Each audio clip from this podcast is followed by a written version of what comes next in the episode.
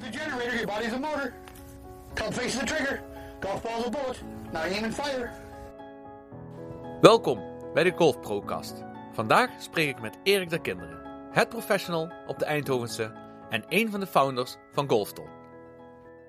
What I try to do, I try to flat load my feet so I can snap load my power package. That way I can amplify both lag and drag pressure through impact fix. As long as my number two power accumulator doesn't break down, I can reach maximum centripetal force with minimum pivotal resistance. What? Bro, what are you talking about, man? Mijn naam is George Lemmens en leuk dat je weer luistert naar een nieuwe aflevering van de Golf Procast. Mijn gast van vandaag, Erik der Kinderen, heeft zijn sporen ruimschoots verdiend inmiddels in de Nederlandse golfbusiness. Naast zijn werk als head professional op de Eindhovense is hij ook zeer actief met het verder ontwikkelen van de Golftalentopleiding Nederland. Een initiatief waar ongeveer 30 professionals en specialisten bij betrokken zijn, met als doel golf in Nederland naar een hoger niveau te brengen.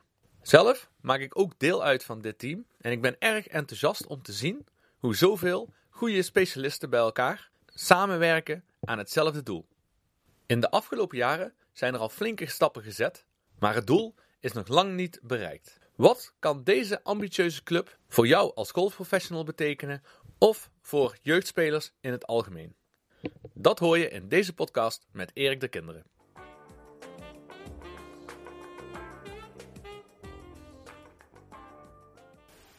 Erik, leuk dat je tijd voor me hebt om even met me te spreken. Mijn mijn eerste vraag is eigenlijk altijd: hoe ben je in de golfwereld terechtgekomen? Wat is jouw achtergrond? Eh, oh, dat is lang geleden. Ehm, mijn oorspronkelijke achtergrond is eigenlijk eh paardensport. Eh, springen. En dat heb ik eigenlijk altijd gedaan tot mijn eh, zeventiende. Eh, op redelijk niveau. Ehm, met wat eigen paarden, et cetera. Ik golfde al wel vanaf mijn twaalfde. Op een laag pitje. Eh, en golf was echt mijn, of eh, en, en paardrijden was echt mijn ding. En toen ik 17 was, eh, toen ehm, merkte ik dat ik eigenlijk niet goed genoeg was voor eh, de top in de paardensport. Dat ik daar eh, wat dingetjes voor miste. Eh, en toen ben ik eigenlijk vol in het golf eh, gedoken. Eh, nou, en dat, dat, ging, eh, dat ging best aardig. Eh, en toen was ik eh 18 en toen wilde ik eigenlijk naar de opleiding toe voor golfprofessional. Alleen zei mijn vader, ga eerst maar eens iets, eh, iets fatsoenlijks leren. En toen eh, ben ik eh, naar het SIOS gegaan in Sittard. En daarna heb ik de, de, de, de golfopleiding gedaan, om het zo maar te zeggen. En Ja. na de golfopleiding, wat is toen eigenlijk de eerste plek waar je echt bent gaan lesgeven? Nou, ik, ben, ik heb stage gelopen vanaf mijn 19 eh op Chapelle. eh, onder Henk Timmer. En daar, eh, nou, daar ben ik eigenlijk blijven plakken. 15 jaar. En na die 15 jaar, eh, of na een aantal jaar ging Henk eh, weg. Die ging naar Herkenbos toe. Toen heb ik de golfschool daar over mogen nemen. Nou, dat was hartstikke leuk, leerzame periode. Meer de commerciële kant, ook wel de, de coachingkant. Ik had een hoop spelers van de Belgische selectie. En een aantal dames die op de Europese Tour speelden. En toen ben ik eh, in 2006 gevraagd door Jeroen Stevens om eh, nationale coach te worden voor de heren- en damesselectie Nederland. En dat heb ik gedaan van 2006 tot 2012. En vanaf 2012 zit ik hier op de Eindhoven. Even terug naar die eh, periode in Horrichapel. Want wat mij altijd ook opviel, is dat je inderdaad veel goede spelers al had. De Nederlandse professionals, die kwamen heel veel naar Horrichapel gereden. Die bijvoorbeeld op de EPD-tour speelden. Maar ook inderdaad de Ellen Smets, die op de European Tour speelde. Hoe is dat ontstaan, dat, eh, dat jij echt aan heel goede spelers en speelsters bent gaan lesgeven of bent gaan coachen? Eh, ja, dat is eigenlijk vanzelf gegaan. Ik had een aantal eh, jeugdspelers eh, op Hangen Eh onder andere Patrick Hanauer en zijn zusje Patricia Hanauer, DJ Bonny en zusje Angel Bonny. En ja, nog een paar meer. En die deden het, die deden het in België heel goed. Ehm, nou, en van daaruit kwamen er wat amateurs vanuit Nederland, eh, wat meer amateurs vanuit België. En toen is op een gegeven moment eh, Judith van Hagen bij mij gekomen. ehm, en die zei: Ik wil graag dat je mij gaat coachen. En die speelde op de Ladies European Tour. Eh, en dat heb ik gedaan. Wel in samenwerking met de David Ledbetter Academy in Championskate. Eh, met een coach daar, die onder David Ledbetter zat, Dave. Eh, nou, en van daaruit ja, zijn er meer meisjes gekomen die op de tour speelden. Zo, zo is het eigenlijk vanzelf gekomen. Maar het is eigenlijk begonnen met gewoon eh, een jeugdspeler op de club. En dat bouwde zich langzaam op, om het zo maar te zeggen. Is het wel altijd je doel geweest om op hoog niveau eh, spelers te gaan coachen? Ehm, ja, of dat altijd mijn doel is geweest, dat is een goede vraag. Nou, het is eigenlijk iets wat, wat gewoon wel gebeurde. En ik had gewoon passie voor golf. En ehm, ik vind het tot, tot vandaag nog steeds toe. Als mensen het eh, heel leuk vinden en ze oefenen, eh, dan vind ik het leuk om ze les te geven. En op het moment dat eh, mensen niet oefenen, dan geef ik ze ook geen les. Dus het is, dat een beetje bij mij, het maakt eigenlijk niet uit of ze handicap 54 hebben. eh, nou ja, of, of Lars zijn die op de Europese Tour spelen. Op het moment dat ze het leuk vinden en, en ze oefenen, hè, ze hebben er echt nou ja, zin in en, en ze, doen er hun best voor. Ja, dan vind ik het heel erg leuk om mee te werken en dan doe ik ook mijn best ervoor. Dus het is voor mij niet echt iets dat ik zeg van, ehm, nou ja, ik wil alleen topspelers lesgeven. Ik vind gewoon het lesgeven of het coachen. Nou, als ik mensen van de club, dan is het meer lesgeven. En als ik toerspelers heb, dan is het meer coachen. Ehm, maar ja, ik vind gewoon het totaalplaatje leuk. En als het iets meer eh toerspelers zijn, is het leuk. En is het iets meer eh, leden zijn, vind ik het ook leuk. Mits ze maar gewoon oefenen. En wat vind jij essentieel in het coachen van eh, topspelers?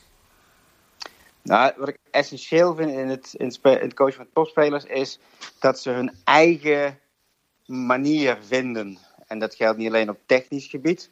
Hè, dat ze hun eigen swing creëren. En die eigen swing die hangt natuurlijk van af van hun eigen talenten, van hun lichaam, van hun mogelijkheden. Maar ook hun eigen manier in de vorm van, eh, nou, wat is voor mij de beste manier om te trainen? Hoeveel uur moet ik trainen? Hoe kan ik die trainingstijd indelen? Hoe kan ik een toernooi het beste voorbereiden? En eh, nou ja, er zijn hele grote verschillen in. Hè. Toen ik Christel Beyond coachte, eh, dat was heel anders eh, als dat ik Anne van Dam coachte. Of nu weer heel anders als Lars van Mijl coach. Dus het zijn gewoon drie totaal verschillende persoonlijkheden. Zowel fysiek als tussen de oren. Dus ja, die moeten hun eigen manier vinden hoe zij het beste kunnen presteren. En merk je daar, merk je al vroeg bij spelers, zoals Anne of Christel of Lars, dat zij het wel echt in zich hebben om die absolute top te gaan halen? Ja en nee. Eh, ze waren gewoon alle drie heel gedreven. Eh, maar wel op een hele andere manier. Eh Christel was heel goed in hockey. Ehm, en die is pas later echt geswitcht naar het golven toe. Toen ze jaren 14, 15 was. Ehm, eh, Anne die was goed in zwemmen. Ehm, en die is ook pas op 14, 15 echt vol voor het golven gegaan. En eh, Lars die was pas 15 toen ik hem voor het eerst zag. Eh, want die kwam uit Italië. Eh, dus dat was een beetje een andere uitgangspositie. Maar ze hadden alle drie wel, wel iets natuurlijk. Ehm, eh, maar wat ze vooral hadden was gewoon passie voor het spel. En dat is denk ik het, aller, nou ja, het allerbelangrijkste. Gewoon, het, het gewoon heel erg leuk vinden en gewoon met heel veel plezier heel hard kunnen werken. Ja, en, vandaar, dat is echt de basis waardoor jij ze dan de goede richting op kunt sturen en kunt vormen. Ja, want je weet gewoon niet wat er allemaal kan gebeuren. Eh, ik heb spelers gehad, ik zal geen namen noemen, maar waarbij wij als nationale coach zeiden, nou dat wordt nooit wat. En dat was op een gegeven moment eh, de top van de wereld eh, bij de amateurs. En we hebben ook spelers gehad waarvan we zeggen, nou dat is echt een talent. En nou, die was 17, 18 en dat bleek toch niet het talent te zijn. Omdat ze misschien niet het doorzettingsvermogen hadden of eh, dat ze na de, hun groeispurt toch de motoriek niet op orde hadden. Of dat ze thuis werden gescheiden en nou ja, we gingen van een padje af om het zo maar te zeggen. Dus er zijn zoveel factoren waardoor het eh, goed of minder goed kan gaan. Dat je altijd oppassen met spelers te vroeg eh, nou, in een hockey duwen van het is wel iets of niks of het is niks. Ja, en je periode dus als bondscoach lijkt me ook een hele interessante periode. Als je van zo, van zo dichtbij de NGF-structuur meemaakt en zelfs mede bepaalt. Wat heb je in, van die periode met name geleerd en eh, de ervaringen die je eraan hebt overgehouden? Uh, nou, ik heb natuurlijk in die periode niet de NGF-structuur mede bepaald. Dat deed de directeur. Wij waren, eh, ik met vele anderen, uh, waren de uitvoerende krachten. Hè, de, degene die op de toernooien gingen en naar de toernooicoaching deden. We hadden destijds het geluk dat we van 2006 tot 2012, in die periode dat ik nationale coach was, dat we een aantal hele goede spelers hadden. Waaronder Christel en Davy en Marieke Nieuwvaart en Lars van Mijl, Roman en Jeroen Krietenmeijer, noem ze allemaal op. Dus we, we presteerden best goed. eh, tijdens de ELTK's en redelijk bij de WK's. En eigenlijk heel goed op de individuele toernooien. Eh, maar dat is ook een beetje het geluk wat je moet hebben dat je een goede lichting hebt. Ehm, en dat is nou net, denk ik, ook de reden waarom wij het anders doen. Omdat ik vind dat je geen geluk meer moet hebben. Eh, maar dat je gewoon meer, nou ja, meer jeugd moet gaan creëren. En van daaruit meer goede jeugdspelers moet gaan creëren. Waardoor de top breder wordt. En nu zijn we met z'n allen ja, een beetje te afhankelijk van een sporadisch talent zoals een Anne van Dam. Hè, wat dan boven komt drijven en wat heel erg de best doet. En uh, of Anne nou bij mij had gezeten of bij een andere coach, dat had denk ik niet heel veel uitgemaakt. Is gewoon goed en ze wil heel erg graag. Uh, ja, uh, ik, ik, ja, ik denk dat, dat het allemaal nog een beetje hetzelfde is. En Ja. dat ik denk dat dat vooral moet veranderen. Dus je bedoelt ook eigenlijk dat je moet eigenlijk een soort van dealen met het materiaal wat je krijgt. Je hebt, die Ja. hebben al een heel gedeelte van hun opleiding, heb jij als bondscoach eigenlijk al gemist. En Ja. jij stapt voor jouw gevoel in een te laat stadion erin. Ja, of, Ja, of dat te laat. te laat maar- stadium, maar ook ja. dat, dat ik, ehm ehm, laat me zeggen, dat er eigenlijk geen opleiding voor die kids is geweest, hè, vanaf jongs af aan. Ja. En ze komen op een gegeven moment met de NGF, bij, met een aantal eh nou ja, trainingjes en eh, wat stagetjes en wat wedstrijden. En dan doe je je best, maar het is niet echt een opleiding zoals eh, bij Ajax of PSV het geval is. Hè. Dat, dat, dan is het van A tot Z perfect georganiseerd en ja, krijgen ze echt een opleiding. En dat is in de golfsport eh, ja, nog niet eh, gaande. Eh, nou, ik denk dat dat wel de stap is die gemaakt moet worden. En is, is dat eigenlijk de hoofdreden voor je geweest dat je dus met, samen met John Boerdonk en Donschot eh Golfton bent gestart? Ja, eigenlijk wel. Kijk, wij, wij ehm, ik zie ik de laatste 50 of, of meer dan 50 jaar is er eigenlijk niks veranderd in Nederland. Eh, op jeugd- en topgolfgebied. Het is altijd op dezelfde manier gegaan. Op de jeugd, op de clubs hè, wordt er één keer in de week een jeugdlesje van een uurtje gegeven. Op een gegeven moment is een talentje, komt een beetje naar boven drijven. Dan gaat de, de bond er wat mee doen. Hè? Eh, nou, dat kun je niet echt een opleiding noemen, omdat op het moment dat de speler niet goed genoeg is, na een jaar gaat hij weer uit de selectie. Dus het is niet een meerjaren traject. Ehm, en het is ook niet echt een uitgeschreven opleiding. Ehm, dus ja, het, het blijft, laat me zeggen, hè, als je hetzelfde blijft doen wat je altijd gedaan hebt, dan zul je afhankelijk blijven van een sporadisch talent wat naar boven komt drijven. Ehm, en dat heb je. Hè. Dan heb je een keer een Joost Luiten, of je hebt een keer een Daan Huizing, of een Anne van Dam, of een Christel Bjorn. Dat komt wel. Maar laat me zeggen, echt een goede basis hebben waaruit meerdere spelers eh, doorstoten, eh, ja, die is er niet. Eh, omdat je altijd het op dezelfde manier gedaan hebt. Gewoon eh nou, één uurtje in de week of één keer in de twee weken een uurtje op de club een jeugdlesje. En dan hopen dat er iets naar boven komt. En, en dat is denk ik ook de reden waarom er zo weinig jeugd nu golft. We zijn eh, in de tijd dat ik bondscoach was, dat was 2006, had ik 20.000 jeugdgolfers. En dat was al vele malen minder dan Zweden en Denemarken, noem maar bij elkaar. Maar nu hebben we nog maar 6000 jeugdgolfers. En als je gaat kijken naar de groep die onder de handicap 10 is, onder de 18 jaar, ik geloof dat zit je onder de 200 kids. Eh, nou ja, probeer dan maar eens eh, een ELTK-team eh, dames en girls eh, vol te krijgen. Eh, dat, dat, dat is onmogelijk. Dus onze, onze grootste drijfveer was eigenlijk om het golflandschap echt te veranderen. Eh, en niet ja, met een talentje te gaan werken en daar iets van te maken. Dat doen we ook.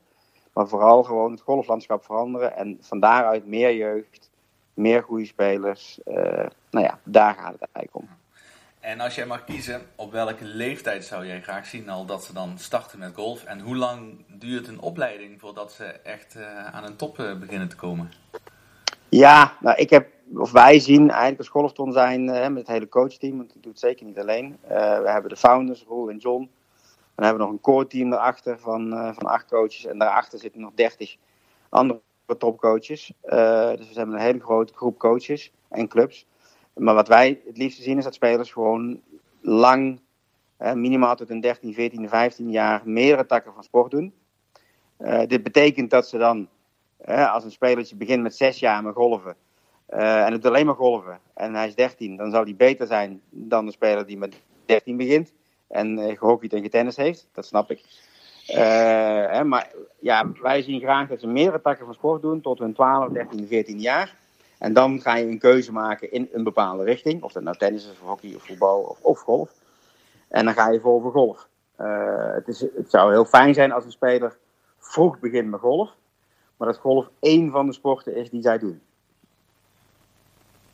Ja, absoluut. Ja, dat zou natuurlijk altijd, uh, blijft altijd een droom natuurlijk, hè? dat we de golfsport serieuzer kunnen krijgen voor kinderen. Dat ze ook echt het gevoel hebben dat ze op een sport zitten. Ja, nou, en, dat is ook, en, dat, en dat is ook denk ik het probleem waarom we nog maar 6000 jeugdgolfers hebben. Is als jij gaat hockeyen, dan uh, heb je drie keer in de week een hockeytraining en op zaterdag of zondag een wedstrijd. Hè? En als jij gaat voetballen hetzelfde, of tennis, dat is allemaal hetzelfde. En bij golf is het uh, nou ja, één keer in de twee weken met z'n tienen op de range wat ballen slaan. dat is niet, dus de kinderen gaan dat niet serieus zien. En op het moment dat je zegt, hey, je hebt drie keer in de week een training. En we gaan samen met een, groepje op wedstrijd. En naast de golftraining hebben we ook uh, fysieke trainingen waar je van alles uh, gaat doen. Uh, ja, dan denk ik in één keer, hey, dus, dus, is net zo serieus als, als hockey of als voetbal. En dan maak je golf een sport. En als je een sport maakt, dan zijn de kinderen geïnteresseerd. Als je ze alleen braaf op de green heel stil met zichzelf laat putten, dan zijn er ook een aantal geïnteresseerd. maar minder. Uh, nou ja, dus wil je die piramide beneden breder krijgen, moet je golf als sport aanbieden. Ja, en je hebt het net over het uh, team. Je noemt al heel wat uh, getallen. Als je zegt dat je 30 coaches erin hebt en een, ja. een core team van een man of 6, 7 en jullie zelf. Ja. Dan kom je al makkelijk op 40 man die daaraan meewerken. Dat ja. begint serieuze vormen aan te nemen. Heb je dat, ben je daarover verrast? Is het, of zit het precies in de lijn van jullie doelstellingen dat jullie zo aan het groeien zijn? Nou, kijk, on, ons droomdoel is uh, dat we in Nederland uh, 10, 12 hoofdlocaties hebben. Uh, laten we zeggen 10, 12 Ajax, PSV, Feyenoord, AZ. En dat iedere hoofdlocatie 1 à 2 partnerclubs heeft. Hè, zoals Excelsior bij, bij Feyenoord, bij wijze van spreken. Um, en ja, dat is ons streven. En om dat te bereiken hebben we goede clubs nodig. Nou, dat gaat best goed. Ik denk dat we einde van deze zomer op 10 hele mooie locaties zitten waar we in oktober kunnen starten. Maar hebben we ook hele goede coaches nodig. En, nou ja, en, en je merkt dat coaches eigenlijk wel dezelfde visie hebben als wij. dat je zegt, oké, het is beter om 12 regio's te hebben. En dat kinderen binnen een half uur tijd rijden van een goede, nou ja, goede opleiding zijn. En nogmaals, echt een opleiding van A tot Z. Mentaal, course, management, fysiek. gewoon echt een opleiding. Um, en, en ja, dat, dat zien heel veel coaches, maar ook steeds meer clubs uh, zien dat ook zitten, vinden dat leuk en, en willen eraan meewerken. Aan onze droom. En heb je het gevoel dat de bekendheid, de naamsbekendheid van Golfton in uh, Golf in Nederland, dat die al uh, groot genoeg is? Dat mensen het al kennen en ook weten te vinden? Ja, ik denk steeds meer. Ik denk dat de, de, laten we zeggen, de betere jeugd en de ouders van de betere jeugd dat die golfton wel kennen. Hè, omdat we natuurlijk uh, best wel wat spelers hebben die het goed doen. Uh, veel jeugdspelers. En we hebben natuurlijk ook uh, een beetje geluk gehad met, met Lars Vermel en daar is Van Riel. Dat die naar de Europese Tour doorgestoten zijn. Ehm, maar dus dat, dat bij die groep wel. Ik denk bij de breedte jeugdsport nog niet. daar hebben we ook nog niet ons best gedaan. We hebben eigenlijk eerst gewoon heel hard gewerkt aan, aan de opleiding aan zich. En dan praat ik over de inhoud van de opleiding die de spelers krijgen maar ook de opleidingen voor een club hè, om deel te nemen aan golfton. Of de opleiding om golfton coach te worden. Nou, dat staat nu allemaal. Dat gaat nu deze zomer uh, rollen. En zullen we naast de, de zeven locaties die we nu hebben, willen we naar 10, 12 locaties aan, uh, aan, aan, het einde van deze zomer gaan. Zodat we ook echte spelers kunnen aanbieden van, oké, jij woont in die regio, dan is daar een golftonlocatie en dan steken wij onze hand voor in het vuur. Dat daar een goede opleiding plaatsvindt. Ja, en inhoudelijk, als je ehm, natuurlijk duidelijk hè, dat uh, op de golf of dat op de club golf als sport aangeboden dient uh, te worden. Maar als je inhoudelijk kijkt, waarin vind je dat uh, Golfton een onderscheid maakt op gebied van training? Nou, wij, wat wij gedaan hebben toen wij de opleiding zijn begonnen, is we hebben eerst een players manual geschreven. En dat is eigenlijk de benchmark um, waar een speler aan moet voldoen voordat hij pro wordt. Nou, die benchmark die wij geschreven hebben, die Players Manual, dat is een boek, kunnen mensen ook bestellen. Uh, daarin hebben we als eerste alle feiten opgezocht en geanalyseerd. En feiten zijn gewoon statistieken eigenlijk. Uh, maar statistieken in scores, in short game, maar ook statistieken in club head speed, in percentage up en downs wat spelers maken, et cetera, et cetera. Uh, dus dat hebben we geanalyseerd. van oké, dat moet je kunnen, wil je nou ja, wil je überhaupt eh, overwegen om de stap naar pro te maken? Hè? Dat is gewoon heel objectief. En we hebben een hele grote groep uh, tourcoaches, uh, tourspelers, oud-tourspelers, tourcaddies, ouders van tourspelers. Vraag wat zij vinden. Dat is natuurlijk subjectief. En die twee dingetjes, die objectiviteit, hè, de, statistieken en de subjectiviteit al die mensen, daar hebben wij eigenlijk de manual mee geschreven. Manual hebben we terug uitgeschreven. Dus we hebben gezegd, oké, okay, dat moet je kunnen als je pro wordt. dat moet je kunnen als je in 5 HAVO zit.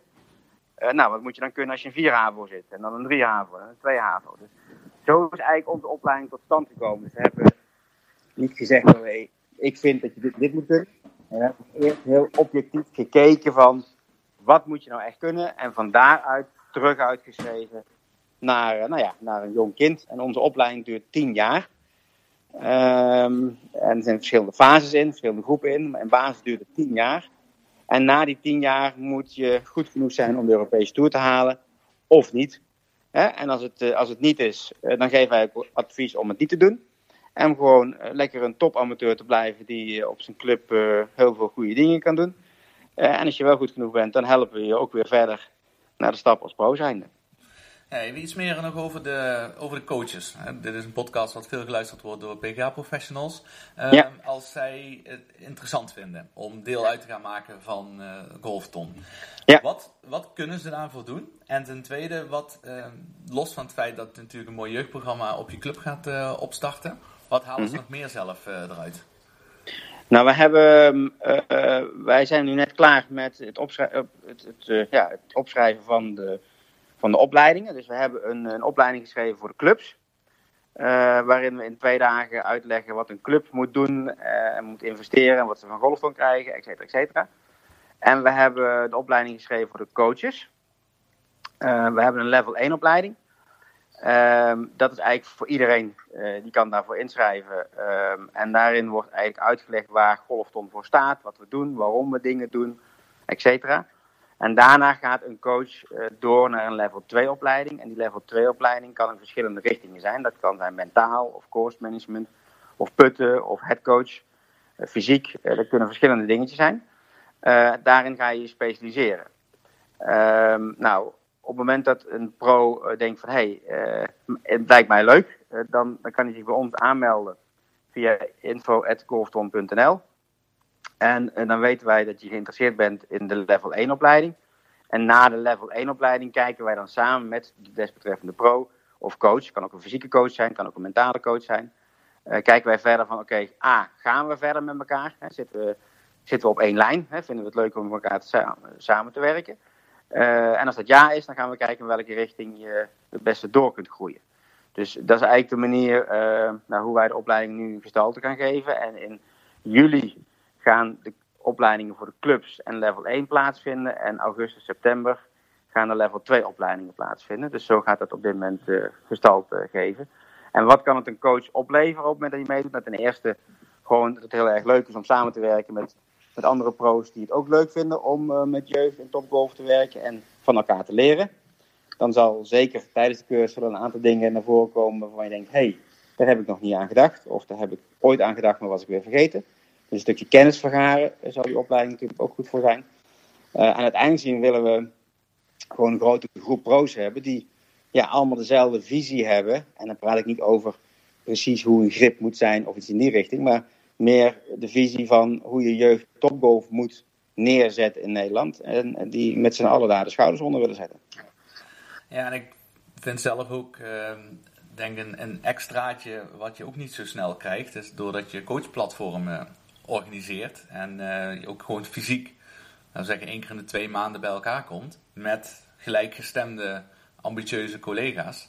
Dat het uh, ja, op die manier de kennisvergaren ook heel groot zijn. Bijna een soort bijscholingen zijn het. Omdat iedereen wel iets voorbereidt en een uh, stuk over zijn specialisme vertelt. En anderzijds natuurlijk voor je netwerk is het ook heel goed hè, dat je makkelijk contact kunt opnemen als je een vraag hebt over iets mentaals of over fysieke trainingen. Ja, absoluut. Ik denk, die, coachplatforms die wij doen, is op het moment dat je golfton coach bent, dus level 1 hebt uh, behaald, dan ben je welkom op de, op de coachplatforms. En daar zullen zullen de founders wat presentaties houden, maar hebben we ook altijd gastdocenten die wat doen, of onze eigen specialisten die wat doen. Ehm, en ja, en dat is gewoon een heel mooi moment om uh, gelijkgestemde ja, met elkaar open in discussie te gaan. En dat is ook wel een heel belangrijk ding bij ons. Wij vinden dat iedereen uh, op hetzelfde level is. Dus of je nou uh, al, al meerdere spelers op de tour gecoacht hebt, of dat je gisteren afgestudeerd bent, of dat je zelf nog in de opleiding bent, dat maakt voor ons echt niks uit. iedereen is, is, hetzelfde, iedereen heeft hetzelfde doel, iedereen met dezelfde passie. Dus er zit geen hiërarchie in van hey, oh, hij heeft op de tour gespeeld, dus hij is meer waard dan ik. Nee, we zijn gewoon met z'n allen hetzelfde en we gaan met z'n allen dezelfde kant op. En zit er eigenlijk altijd nog één dingetje. Het kost altijd wel geld, hè? Om, uh, ja. om veel specialisten te hebben en in te zetten. Hoe is die structuur uh, voor jullie? Hoe hebben jullie daaraan gedacht? Ja, nou, Golfton is niet een, uh, een, commerciële opleiding in de zin dat wij als founders dat nou ja, ooit kunnen verkopen of dat we daar dik voor betaald krijgen. Dat, dat is niet de, de gedachte, om het zo maar te zeggen de gedachte is gewoon om, om golf in Nederland, uh, jeugdgolf, topgolf, uh, anders op te zetten, een andere structuur te geven dan de laatste 50 tot 100 jaar, waardoor er echt iets gaat gebeuren. Dat is onze gedachtegoed. Uh, en wij willen ook als founders zijn, als we nou ja, straks 65 zijn en we gaan met pensioen, dat we dan niet alleen zeggen, hé, hey, we hebben een Lars Vermel of een Anne van Dam of nou ja, noem het maar op, gecoacht of begeleid of natuurbegeleid. We willen vooral dan zeggen, we hebben het landschap veranderd. En het is anders gegaan in Nederland dan voor onze tijd. Uh, dat gezegd hebbende moet het natuurlijk wel zo zijn dat de coaches die coachen uh, betaald krijgen. En dat is ook niet meer dan normaal. Hè? Als, als een kind heel goed is in tennis en die gaat een tennisopleiding doen hier bij Henk van Hulst, dan betaalt hij daar ook een hoop geld voor. nou, wij hebben een structuur bedacht, die is eigenlijk tweedelig. We hebben ten eerste op de club is een structuur dat de club samen met de headcoach lokale sponsoren zoekt die ervoor zorgen dat de pakketprijzen voor de spelers omlaag gebracht worden. Dus een gedeelte, de helft van de pakketprijs, uh, minimaal de helft, moet betaald worden door de ouders. Waarom minimaal de helft? Omdat er ook een bepaalde commitment moet zijn. De andere helft proberen wij samen met de, de, de club en de headcoaches omlaag te brengen door lokale sponsoren, zodat het behapbaar is voor de ouders. Dat is één ding dat gezegd hebbende, uh, hebben de spelers, alle spelers worden Jumbo Golf staffplayer. En wat houdt het in? Zij krijgen een D-account en kunnen daarvoor extreem gunstige prijzen hun materiaal kopen. En dat scheelt per jaar ook uh, nou ja, een serieus bedrag. Als je dat uh, niet hebt, dan nou, dus dat, daar proberen we de ouders een beetje mee tegemoet te komen. Dus dat is één kant van het verhaal. De clubs die zijn, en de pro zelf verantwoordelijk om die prijs omlaag te krijgen. Dus we hebben wel een uniforme prijs, een startprijs. En dan per club kan die prijs omlaag gaan, afhankelijk van hoeveel sponsoren je hebt. Maar dan moet wel minimaal de helft betaald worden. En dan hebben we de, de landelijke organisatie, de Stichting Golfton.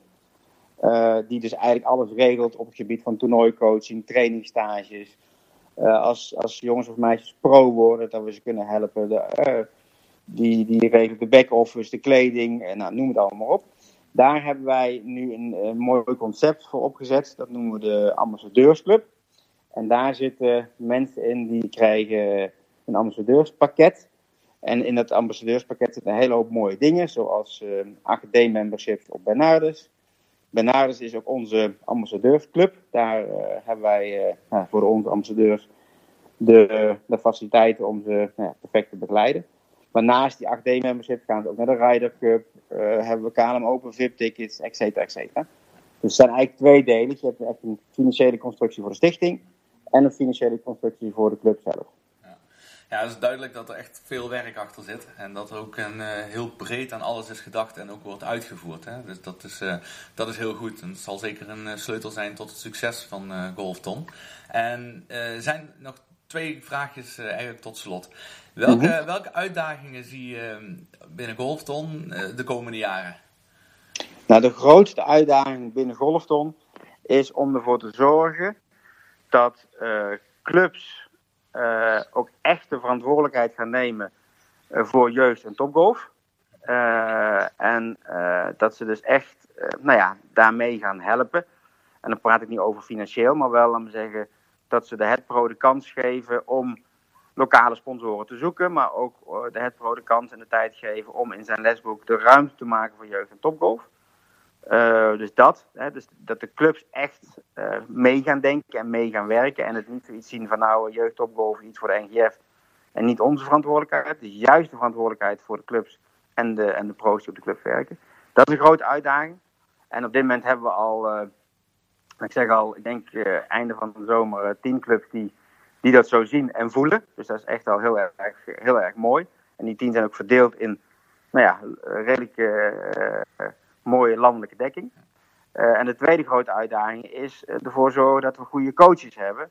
Die, eh, ja, die goed kunnen samenwerken en eh, die ja, dezelfde taal spreken. En nogmaals, daar praat ik niet over hoe je de grip moet aanleren of de setup. Eh, nou, dat, dat, dat zal zeker goed zijn. En als mensen daar moeite mee hebben, dan helpen we daarmee. Maar dan gaat het meer om de structuur en de organisatie en het regelen van de randvoorwaarden rondom. En echt het coachen van de speler en de ouders eh, ja, om de next step te maken. En jullie stellen natuurlijk het doel. Als je start met zo'n eh, mooi project, wat is uiteindelijk jullie eh, droomdoel? Wanneer zijn jullie echt tevreden met de ontwikkeling en het succes van Golfton? Ja, dat is eigenlijk tweedelig. Ons droomdoel is, zoals ik al zei, echt het landschap in Nederland te veranderen. Dat we, nou ja, zoals voetbal of hockey, eh, het geregeld hebben in Nederland. Eh, dus dat betekent dat de bond alleen maar hoeft te faciliteren in, eh, in wedstrijden. Zoals Ronald Koeman gewoon de EK's en de WK's doet. Maar het opleiden van zijn spelers aan Ajax en PSV overlaat. Dus dat is echt een heel belangrijk droomdoel. En ons droomdoel is natuurlijk toch wel, als ik heel stiekem ben, een speler op, op de Ryder Cup. die de Golfton opleiding heeft gevolgd. Dat is waar we, nou ja, waar we s'nachts eh, van wakker worden en zeggen dat zou wel heel erg vet zijn. Dus eh, dat zijn twee droomdoelen. Nou, mooi. Dat zijn hele goede doelen en eh, genoeg om naartoe te werken. Maar er wordt ook echt al hard gewerkt en dat is heel mooi om te zien. Dus als mensen interesse hebben, sowieso kijken op de website op golfton.nl. Wordt binnenkort ook helemaal vernieuwd. Ziet er super strak uit. Of als je vragen hebt, bel naar Erik, Zon of Roel. Die kun je zeker vinden om te vragen hoe je kunt bijdragen aan Golfton.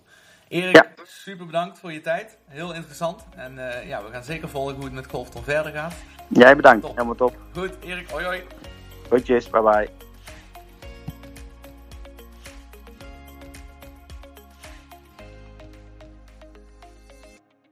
Het is mooi om te zien dat het bij Golfton niet alleen blijft bij goede ideeën, maar de uitvoering ook daadwerkelijk aanwezig is en de commitment er absoluut is van alle deelnemers, zowel bij de jeugd als bij het coachteam. De komende periode zul je denk ik zeker nog veel meer over Golfton te horen krijgen. En laten we hopen dat het een positieve bijdrage gaat leveren aan golf in Nederland. Tot zover deze aflevering over Golfton. Bedankt weer voor het luisteren en tot over twee weken bij een nieuwe Golf Procast.